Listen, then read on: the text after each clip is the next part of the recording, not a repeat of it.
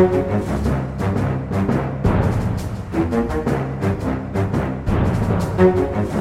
kjører vi i gang med en ny episode av Aftenpodden USA. Kristina Pletten, kommentator, du er på plass som vanlig i Oslo på kontoret ditt. God dag, god dag.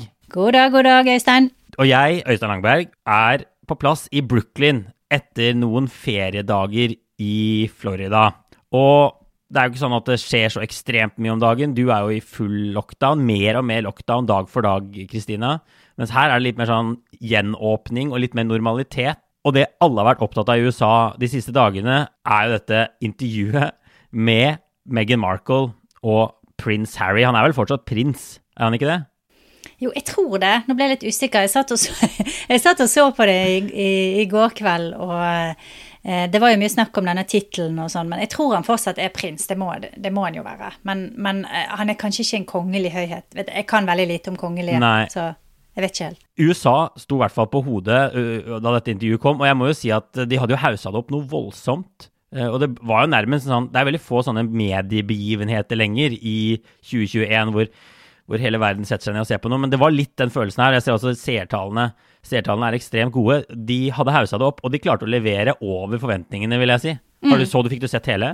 Ja, jeg så hele. Og jeg var jo like spent på Opera, da. Eh, og hvordan hun ville takle dette her. Og det har jo vært litt sånn delte meninger om hennes uh, rolle. Men jeg syns hun var ganske god. Jeg syns hun liksom uh, stilte en god del oppfølgingsspørsmål og var boret litt inn i, inn i det når de var litt sånn ulne i svarene. Så jeg syns det var spennende, og jeg syns Opera gjorde en god jobb.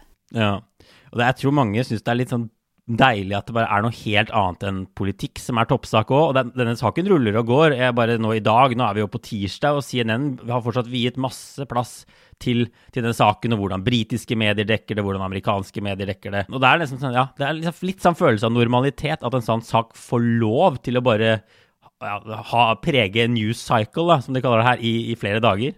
Ja, ikke sant. Det er nesten litt sånn deilig at, at liksom de kongeliges eh, lidelse og klaging eh, kan få ta overskriften igjen. Det er veldig bra. Apropos det, så kan jo jeg ta mitt første punkt på listen over hva som har skjedd siden sist. Det er altså kommet nye tall som viser at bruken, eller interessen for amerikansk politikk har sunket som en stein. Det er nå omtrent en tredjedel av av eh, seertallene til eh, CNN og de andre kanalene som det har vært under Trump. Ja, så det er normalitet på gang. Det er jo godt å høre, kanskje, kanskje ikke for oss som lager USA-pod, men vi får bare bite oss fast og lage spennende produkter fremover. Og så ja. kanskje snakke litt om andre ting enn bare politikk.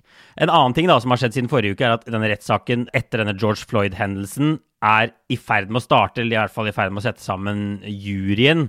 Og det blir veldig spennende å følge den rettssaken. Mye står på spill, og jeg tror det er sånn at hvis denne politimannen som satt med, med kneet sitt på nakken til George Floyd, blir frikjent, så har Biden en Da blir det nye protester i gatene, og det kan bli en, mm. en skikkelig vanskelig sak for Biden. Mm. En annen vanskelig sak for Biden, noe jeg har mast om nå i ukevis. Situasjonen på grensen. Det kommer masse barn alene uten foreldre. og bare de siste tre ukene har det kommet over 3000 barn som nå fyller opp disse her krisesentrene på grensen. Så der har du en, har du en sak. Ja. Den skal vi også følge, følge, tett. Og til slutt så er det sånn at flere amerikanske delstater Texas var vel en av de første. De er i ferd med å åpne igjen 100% etter viruset, altså gjeninnføre en normaltilstand. De fjerner obligatoriske masker, og Biden da svarer med å kalle det på sitt ja, hva skal vi kalle det, etterkrigstidsvis for neandertalsk, som er et ord du ikke hører så veldig ofte, veldig ofte i det amerikanske mediebildet. Men så spørsmålet er nå, kommer det en ny bølge, eller kommer det ikke en ny bølge? Eh, og det er det vi vil følge med på. Jeg så en eller annen på Twitter som eh, hadde hisset seg opp og mente at det var rasistisk å kalle det for neandertalsk, da. så eh, man skal være forsiktig med hvor man trår. Ja, i hvert fall i et voked United States of America i 2021. Du, I dag så skal vi snakke litt om redningspakken til, til Joe Biden, også, som egentlig har ganske gode dager, uh, den nye presidenten. Og så skal vi snakke om en som har veldig dårlige dager. Andrew Cuomo, New Yorks guvernør. Men jeg tenkte bare aller først å si at, um, at til de som ikke hører på oss i Spotify eller iTunes eller der de hører på pod, men f.eks. i browser, så er det altså sånn at denne podkasten nå ligger åpent tilgjengelig for alle igjen. Så vi vil bare anbefale å gå inn og trykke abonner. Der du pleier å høre på pod, så får du disse episodene opp i feeden. Og så selvfølgelig setter vi pris hvis dere kan uh, anbefale oss til venner, gi oss ris og ros. Jeg heter Oystein Langberg på Instagram f.eks. Det er en bra måte å ta kontakt med meg på. Mm, og så kan dere godt skrive en liten anmeldelse også. Uh, det er jo alltid hyggelig å få. Ja, det er veldig hyggelig å få. Men du, la oss gå i gang med dagens hovedtema, da. Pengegaloppen til, til Joe Biden. Mm. Denne store koronaredningspakken er i ferd med å bli vedtatt. Den kommer til å bli vedtatt denne uken, det ser veldig sannsynlig ut. Den er på 1900 milliarder dollar. Eh, det er mye penger. Det er halvannet oljefond, mer enn ti norske statsbudsjetter. Og den kommer da etter at man allerede har vedtatt to andre store redningspakker, som begge var større enn den største redningspakken som Obama vedtok ved forrige krise, da, i 2008-2009. Og så er det sånn at Biden har måttet svelge inn noen kameler. Denne redningspakka ble ikke akkurat sånn som han ville, men den ble nesten like stor som det opprinnelige forslaget hans, som også er litt annerledes enn enn mange hadde trodd. Hva er vi, er det vi ser konturene av, Kristina? Dette er bare et pengedryss uten sidestykke. Ja, det er jo det. Det er et eh, eksperiment, et historisk eksperiment egentlig, eh, med et kjempestort lands økonomi. Det blir veldig spennende å se hvordan effekten av dette her blir. Og tidligere krisepakker har jo ofte fungert sånn at man f.eks. har gitt banker en garanti, og så har bankene lånt penger videre til bedrifter, og så har bedrifter ansatt folk, og så har liksom pengene drysset ned, mm. eller dryppet ned gjennom samfunnet på den måten. Så det han nå gjør med å gi pengene direkte til familiene, ned i lommen, det er ganske eh, spesielt. Og eh, der er jo delte meninger om hvor smart det er, men der er jo enkelte eh, både forskningsrapporter og, eh, og, indikasjoner på at det å gi folk penger direkte er ganske effektivt, for de fleste bruker de opp igjen. Og de bruker det på mm. ting de trenger, og dermed så kommer liksom pengene inn i, eh, inn i omløp. Små lokale bedrifter får kunder, ikke sant. Ja. Så det blir, det blir veldig spennende å se hva som blir utfallet av dette her. Ja, fordi Trump fikk jo vedtatt noen ganske store redningspakker, han òg, men jeg ser at profilen på den redningspakken her sier de er helt annerledes. Blant annet fordi den handler ja, som du sier, mye mer om å gi penger direkte til folk, og mindre om, om bedrifter og mer sånne indirekte virkemidler. Og det er nok også et politisk valg, fordi det er veldig lett å forklare denne redningspakken, og det tenkte jeg vi skulle prøve å gjøre nå, for det er jo sånn at dette har også relevans for Norge. Hvis USA kommer ut av denne krisen full, med full gass, så er det bra for, he, for, hele verden og hele verdensøkonomien. I 2008 var det liksom Kina som dro verden ut av krisen, mens mange andre land i Europa og USA satte jo på bremsene veldig tidlig. Men denne gangen så kan det være litt annerledes. Og det, det som har fått mest oppmerksomhet, er jo denne sjekken på 1400 dollar.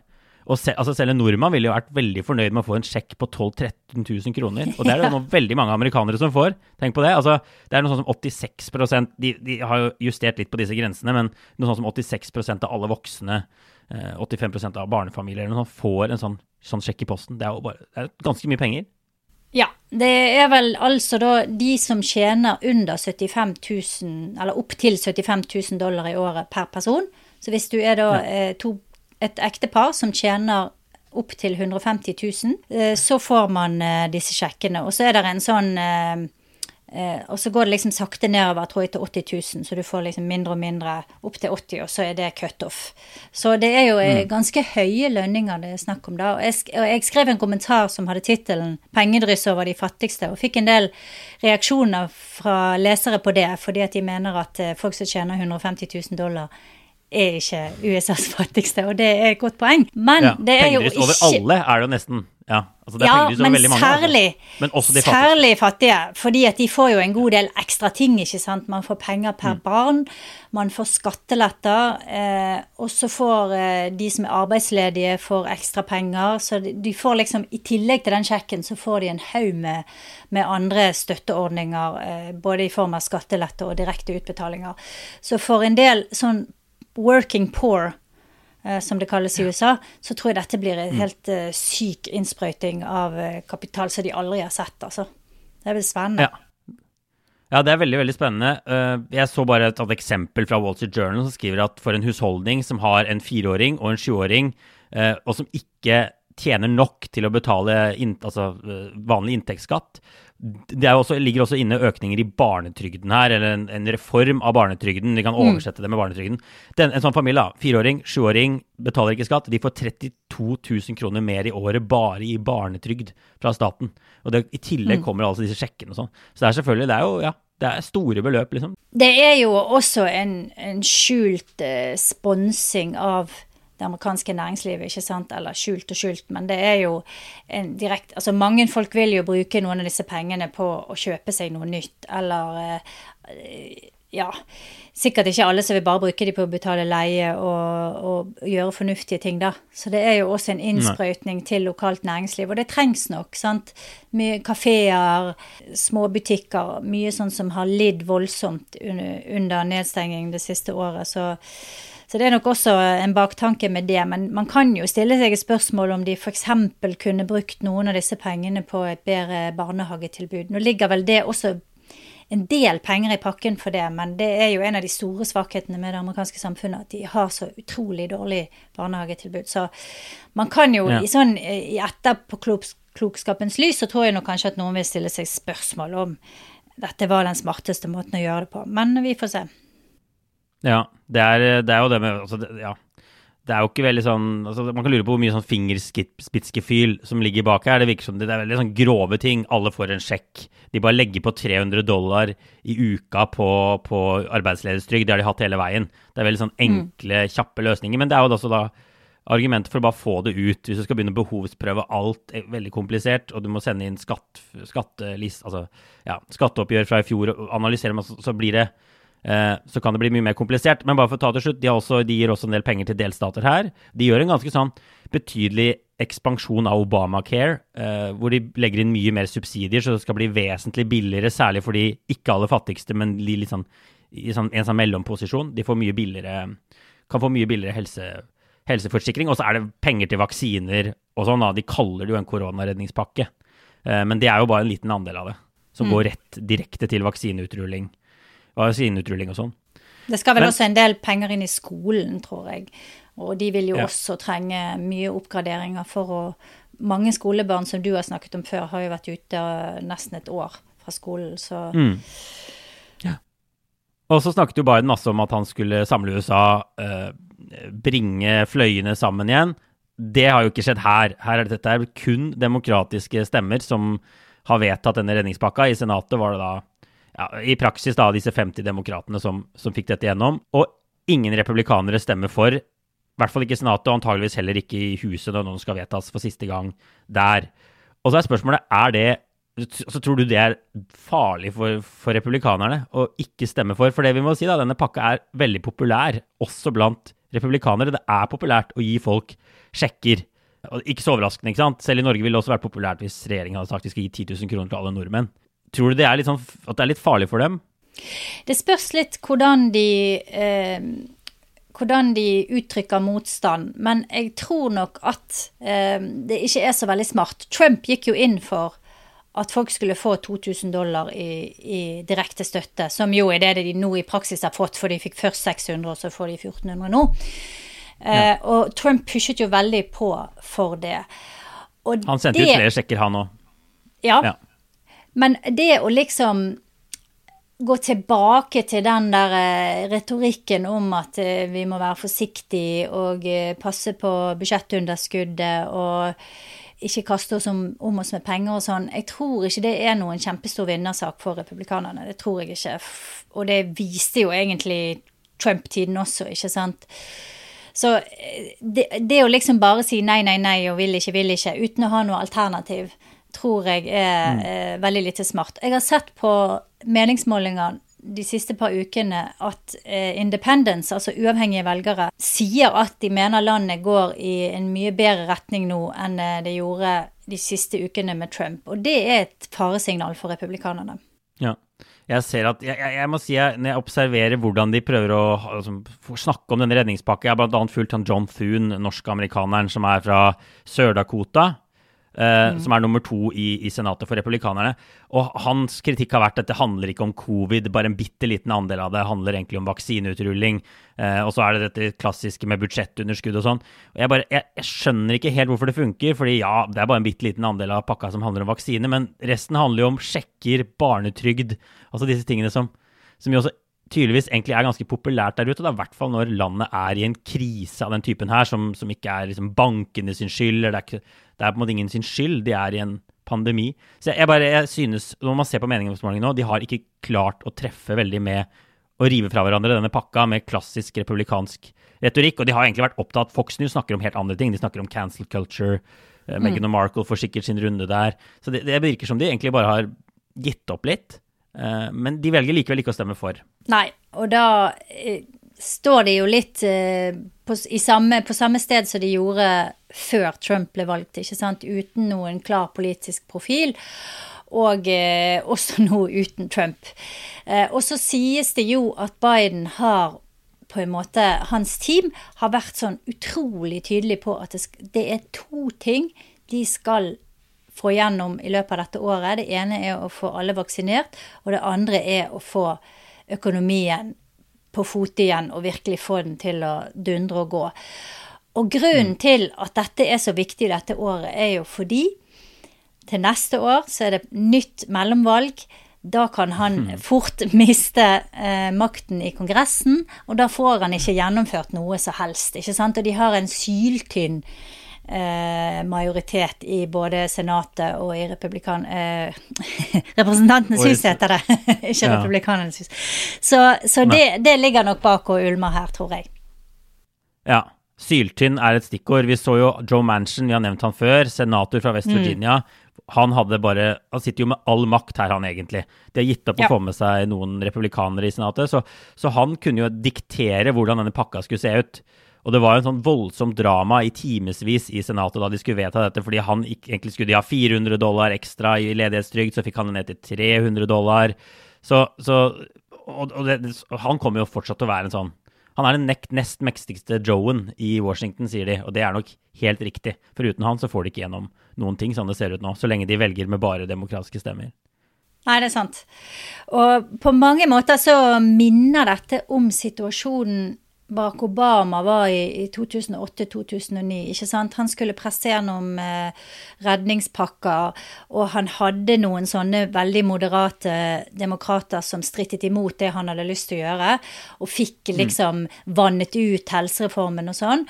Og kanskje Biden husker det der, og, og og jobber for at ikke han skal gjøre de samme feilene igjen som det Obama gjorde i 2008-2009. Mistet ja. Eh, flertallet i Kongressen i 2010. Eh, satte i gang Tea Party-bevegelsen. Og the rest of the story er jo kjent, ikke sant? Det endte med Trump i Det hvite hus og eh, veldig mye bråk. Ja. Så, så det store spørsmålet nå er jo om dette vil føre til liksom, inflasjon. Altså, det er jo fare. Noen økonomer er ute og advarer om at dette er for mye penger på en gang. De har allerede vedtatt masse redningspakker. Det er helt uten sidestykke størrelsen på disse redningspakkene. Så eh, det er jo faren, faren for Biden. Men akkurat nå så ser det ut som de har truffet godt med det her. Uh, Manchin har fått vist at han er litt uavhengig, men de har i praksis vedtatt omtrent det Biden ville ha. En enorm redningspakke. USA er på vei ut av dette. Kanskje kommer de til å skyte ut av dette i en rakettfart. Uh, det vil i så fall være en drøm for for Biden. Og jeg tror sånne, sånne demokrater som Manchin, eh, han er fra West Virginia, en stat der utrolig mange mennesker har veldig lite penger. Så jeg tenker mm. jo at for hans velgere så må jo dette her være liksom manna fra himmelen, da. Det er jo ja. en av de fattigste statene, og en av, en av de statene som virkelig eh, trenger en sånn innsprøytning. Så jeg tror ikke det er noe fare for han sånn sett å stemme for det, altså. Nei, og det ser ut som de har lykkes med å selge denne pakka bedre vi var inne på det, enn en Obama sin pakke. Den redningspakka ble jo litt sånn mm. bailout til bankene, hjelpe de rikeste. Det ser ut som de har i hvert fall folket bak seg i mye større grad en gang her. Kanskje det er en bedre salgsjobb, men kanskje er det også fordi ja, det er en mye større pakke, og den er mye lettere å forklare. Og sjekker forklarer seg selv når de dumper inn ned i postkassa. Det blir spennende å bare følge med de neste ukene på etterdønningen av det her. Ryan Reynolds here from Mint Mobile. With the price of just about everything going up during inflation, we thought we'd bring our prices down. So to help us, we brought in a reverse auctioneer, which is apparently a thing. Mint Mobile unlimited premium wireless. Ready to get 30, 30, bit to get 30, bit to get 20, 20, 20, bit to get 20, 20, bit to get 15, 15, 15, 15 just 15 bucks a month. So, Give it a try at mintmobile.com/switch. slash $45 up front for 3 months plus taxes and fees. Promo rate for new customers for limited time. Unlimited more than 40 gigabytes per month slows. Full terms at mintmobile.com. Så god uke for Biden, så får vi se om det blir inflasjon og alt spinner ut av kontroll. Da, var eksper har eksperimentet i så fall feila. Det er en som ikke har hatt en like god uke. Det er en som har hatt noen veldig dårlige uker, faktisk, men som hadde, han var helt på den tiden her i fjor. Eh, det er New Yorks guvernør Andrew Cuomo. Vi må nesten snakke litt om han.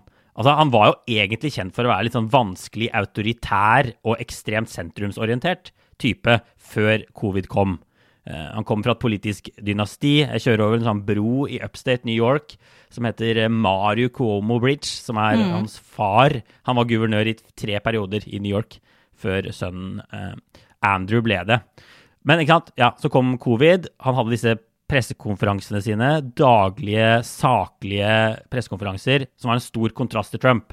Og masse journalister som tidligere har vært sånn kritikere av Cuomo og skrev sånne hyllester. Broren hans, Chris Cuomo, som jobber på CNN, intervjuet flere ganger guvernøren i New York. ikke sant? Eh, De krangler om hvem moren likte best. Kleint amerikansk. Men så har det rakna da, skikkelig i løpet av ja, egentlig siden desember for Cuomo. Ja, og det ene var jo disse her tallene fra sykehjemmene som, eh, eh, som Cuomo da, og hans team har eh, undertrykt eller holdt unna. De har ikke telt eh, med de som ble innlagt på sykehus og døde på sykehus, selv om de var egentlig sykehjemspasienter. Så det, den, Ja. det var den første skandalen. Og så kom jo da alt dette her om hvordan han har oppført seg i mange, mange år. Lenge før han var guvernør, også når han jobbet i regjeringen til Clinton på 90-tallet. Da faren hans for øvrig var, var eh, guvernør i New York. Så det, det har kommet frem så mye historier som tegner et veldig sånn bilde av et mønster, da. Av en oppførsel som er bøllete. Som går Ja. ut på å gjøre folk usikre. En dag er han kjempeoverstrømmende hyggelig, og så neste dag eh, kan han skjelle deg huden full. Eh, han eh, snakker nedverdigende til kvinner. Ikke så mye sånn at han har direkte vært bortpå og tafset på dem, men bare oppfører seg på en måte som, som Ja. som kanskje menn kunne gjøre for 20-25 år siden, men som ikke er greit lenger i dag. Og jeg syns det er rart at han ikke har eh, på en måte moderert seg etter hvert, da. At ikke disse her typene, som jo er rundt min alder, mange av disse her mennene nå som, eh, som får hodene sine, hodene ruller, at ikke de modererer oppførselen sin når de ser hva som skjer med andre. Det syns jeg er kjemperart. Ja. Ja, nei, jeg er enig. Altså, jeg, jeg skrev opp noen stikkord der. sånn Upassende kyss blir han eh, anklaget for. Han har stilt spørsmål om sexliv, og så er det i tillegg sånn giftig arbeidsmiljø. Og nå er det totalt fem kvinner som har kommet frem med beskyldninger. Noen litt grovere, noen er litt sånn vanskeligere å bli klok på. Altså, som, som antageligvis ikke ville holdt alene, men det, de, det liksom baller på seg da når, det- når det blir fem. Det virker som det, som det kommer fram nye hele tiden. Og, det som også noen sånn- menn som har kommet frem. Et par menn Ja, som også har og snakket. Ja. Er litt av problemet her, er kanskje at de er jo, noen av disse er ganske ferske påstander. De stammer sånn fra da han var på høyden på sitt liksom, mektigste, mest populære i fjor. Han skrev jo Mm. denne bok om ledelse i pandemi, og det ble snakk om at han skulle ta over for håpløse Biden, som jo som hadde sånn elendig kampanje, og som ikke kom til å slå Trump og sånn.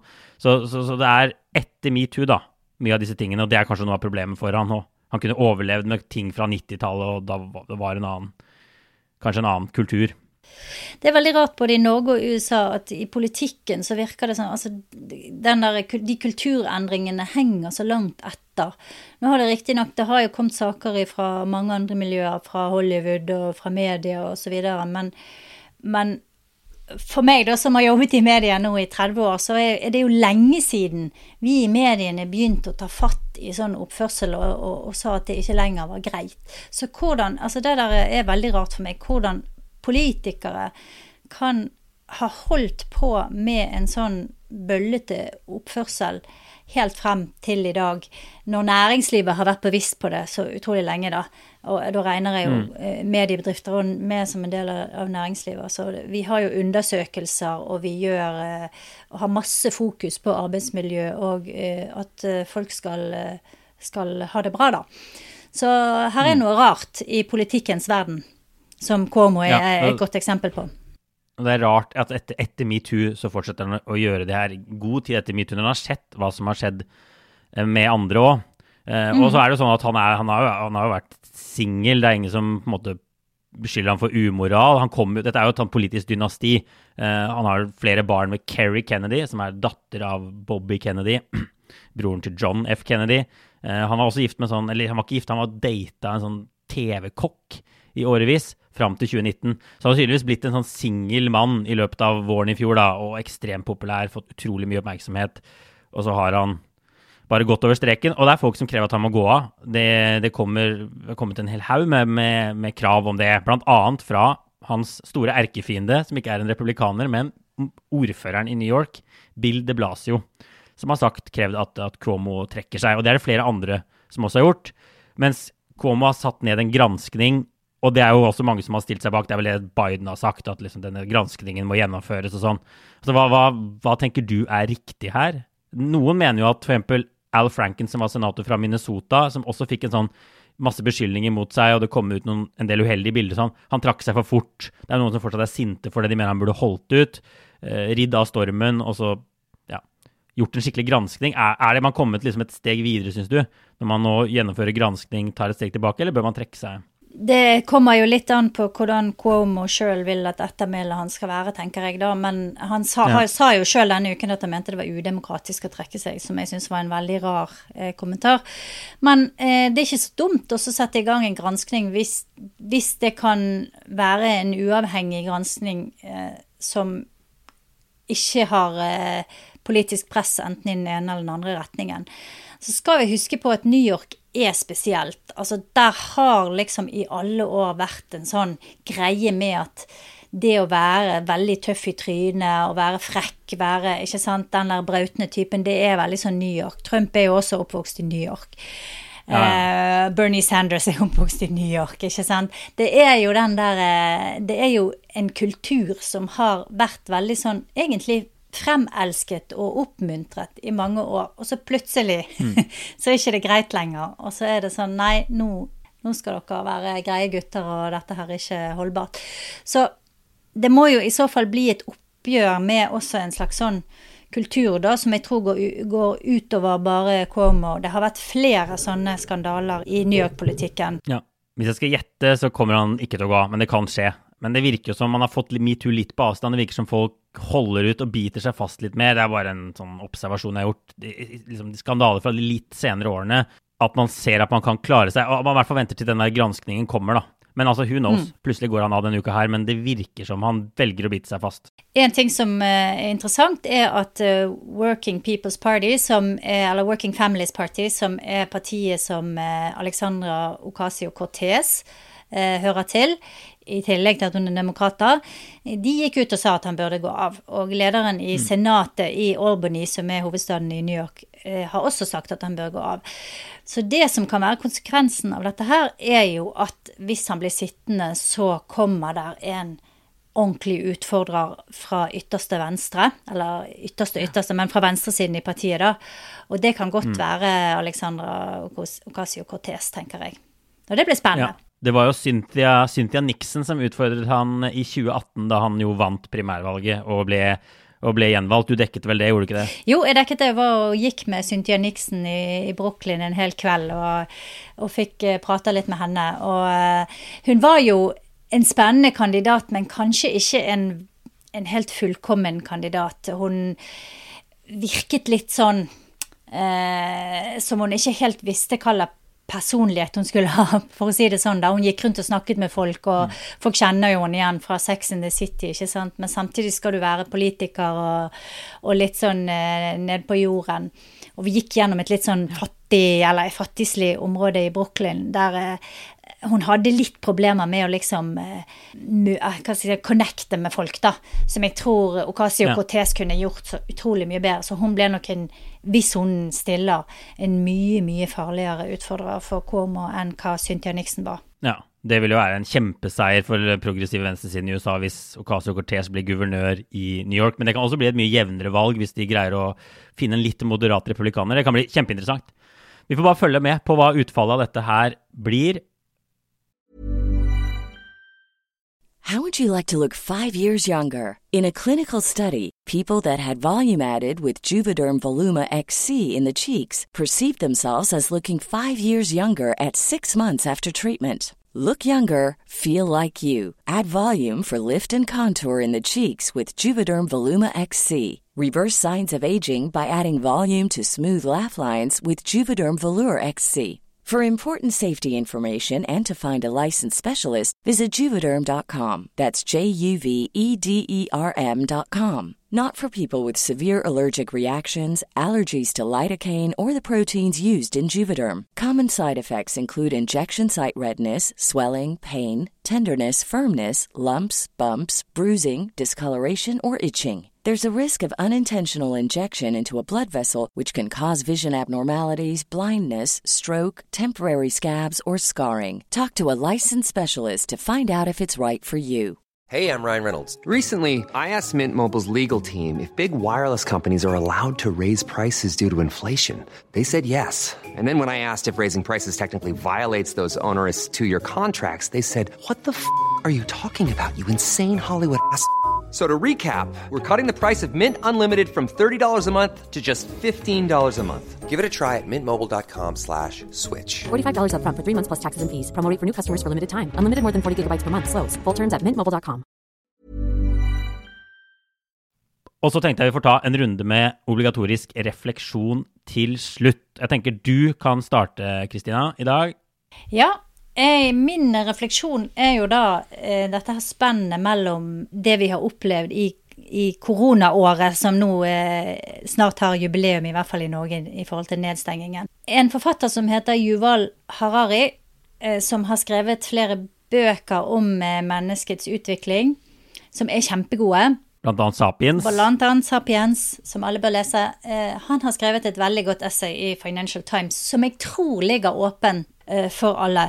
Der han filosoferer litt rundt dette her med hvordan politikken har feilet mens vitenskapen har seiret. Og det handler mye om internasjonalt samarbeid, og det å liksom ha en plattform for internasjonalt samarbeid og kunne løfte seg over interne stridigheter ikke sant, og jobbe for et felles gode.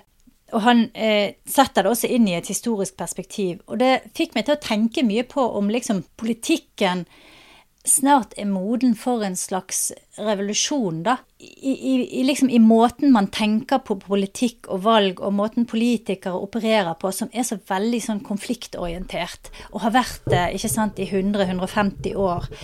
Mens det som egentlig, holdt jeg på å si, verden trenger nå, er jo politikere som kan finne frem til de beste løsningene, som har så mye penger og så mye teknologi og så mye kunnskap til rådighet som de aldri har hatt i historien. Og som de kunne liksom Altså, han skriver, og det er jeg helt enig med, at de kunne så veldig enkelt ha satt seg sammen og sagt OK, vi, vi vaksinerer alle gamle mennesker i verden. Vi vaksinerer alle sårbare, vi vaksinerer alle helsearbeidere. Funnet en måte å liksom distribuere dette her rundt om til alle land og, og alle mennesker. Det hadde ikke vært en umulig oppgave rent teknisk eller log, log, logistisk. Mm. Men viljen er ikke der. Det er, veld, det er veldig mm. et veldig interessant essay som setter ord på mange av disse tankene, da. Så det, jeg vil virkelig anbefale det. Ja, jeg har også lest. Jeg synes det er kjempeinteressant. Og han skriver, trekker også en linje tilbake til, eh, til spanskesyken, mm. og hvordan vi klarte oss så utrolig mye bedre den gangen her med sånn moderne teknologi, og bare det at det nesten ikke jobber noen i jordbruket lenger. Mens det tidligere var jo masse folk, og det kunne gått utover matsikkerheten vår, en pandemi før, men nå var det ingen som hadde problemer med å finne mat etter at det var noen sånne kaotiske uker her i fjor. Så jeg, også, jeg vil anbefale essayet, og så vil jeg anbefale bøkene hans. Jeg har ja. til og med fått intervjue han en gang, i uh, Davos. Så stort. Eh, da var han sånn skikkelig superstar. Jeg tror liksom Angela Merkel var sånn stolt over at han hadde møtt ham på bakrommet, og der var han bare megahelt. Så nei, veldig bra. Veldig bra fyr. Uh, jeg har lest en bok nå som ikke er Sapiens. Det er flere år siden jeg leste den. Jeg har lest en bok som heter Lucky. Som handler om, eller Den heter Lucky How Joe Biden Barely Won the Presidency. Som er skrevet av en som heter Jonathan Allen, som er NBC-journalist. Og en som heter Amy Parnes, som er, eh, jobber i The Hill. En sånn mm. kongress som dekker Kongressen. Jeg vil si Veldig godt skrevet bok om alt vi har vært vitne til det siste året. De skrev boken 'Shattered' etter forrige, forrige valg, da, da, da Ikke Pletten. Da Clinton ikke klarte å slå Trump. Um, og hovedbudskapet deres er at dette valget var mye jevnere enn alle hadde trodd. Det vet vi jo, men egentlig liksom jevnere enn vi tenker over nå. Altså Trump var 43 000 stemmer i tre stater unna å bli president på nytt. Han var mye nærmere å bli president på nytt nå enn Clinton var å bli president i 2016. Mm. For da vant Trump med, med, med, større margin. Den var også veldig smal. Så dette var egentlig skikkelig stang inn for Joe Biden. Og de går gjennom hele historien fra Iowa i, i januar og februar, altså fra Iowa og New Hampshire, og vise hvor nær alt var med å gå ad undas, men hvordan han hadde flaks igjen og igjen. Iowa ble jo bare et kaos, det var ingen som husker at Biden ble nummer fire der, fordi alt bare gikk opp i røyk. Det kom jo ikke noen resultater. Det stemmer. Og da, da, Bloomberg kastet seg inn, så tok Warren ut Bloomberg. Eh, Buttigieg fikk gjennomgå, mens Biden fikk liksom stå litt i fred på scenen der. Mm. Og så kom South Carolina-valget, og så snudde alt, og så stilte hele partiet seg rundt Biden. Men det var en interessant bok. Gøy å gjenoppleve alt som har skjedd det siste året. Det har virkelig vært, vært sjukt dramatisk. Det er bare man glemmer det oppi pandemien og alt. Ja, det, det, det, er jo nesten det er jo nesten utrolig at uh, Biden har hatt så mye flaks. Så det er en veldig god tittel. Og jeg tenker ja. han kan jo fort fortsette å ha flaks nå fremover, både med økonomi og vaksiner og alt mulig, og virkelig virke ja. som en sånn fetter Anton da i i politikkens verden. Ja. Politikkens fetter Anton. De har også masse, masse sånne interne ting selvfølgelig, som er gøy å se hvordan de krangler internt i denne Biden-kampanjen. Det går jo skikkelig dårlig. Biden ante ikke hvor dårlig han kom til å gjøre det i Iowa. De hadde liksom fortalt han at han hadde inntrykk av at han kom til å gjøre det greit, og så gikk det skikkelig skikkelig dårlig. Og Han var veldig sur, og så kommer det nye ikke sant, ny campaign manager inn som, som krangler med den gamle gjengen, og det har vært mye dårlig stemning hele veien. Og De beskriver også hvordan Obama ikke hadde tro på Biden i det hele tatt. Ingen demokratiske eliter hadde tro på Biden. Um, det var en sånn seanse på en sånn fundraiser hvor Obama gikk gjennom alle kandidatene hvorfor Buttigieg ikke kunne vinne. Han, han snakka veldig varmt om Warren på det tidspunktet her. Uh, og så avslutter en av de som er på fundraiseren med bare å si du glemte å nevne Joe Biden uh, da han gikk gjennom uh, Så det var Nei. Morsomt å lese igjen hvis man er politikknerd, selvfølgelig. Det er ikke en ekstremt mye nytt, men det er litt sånn nye detaljer, og det er gøy å bare få hele historien skrevet fra Atle Å av hva vi var vitne til i 2020. Bra. Jeg tror det var det vi hadde for i dag, Kristina. Var det ikke det? Mhm. Det høres bra ut. Vi har ikke glemt noe nå. Nei.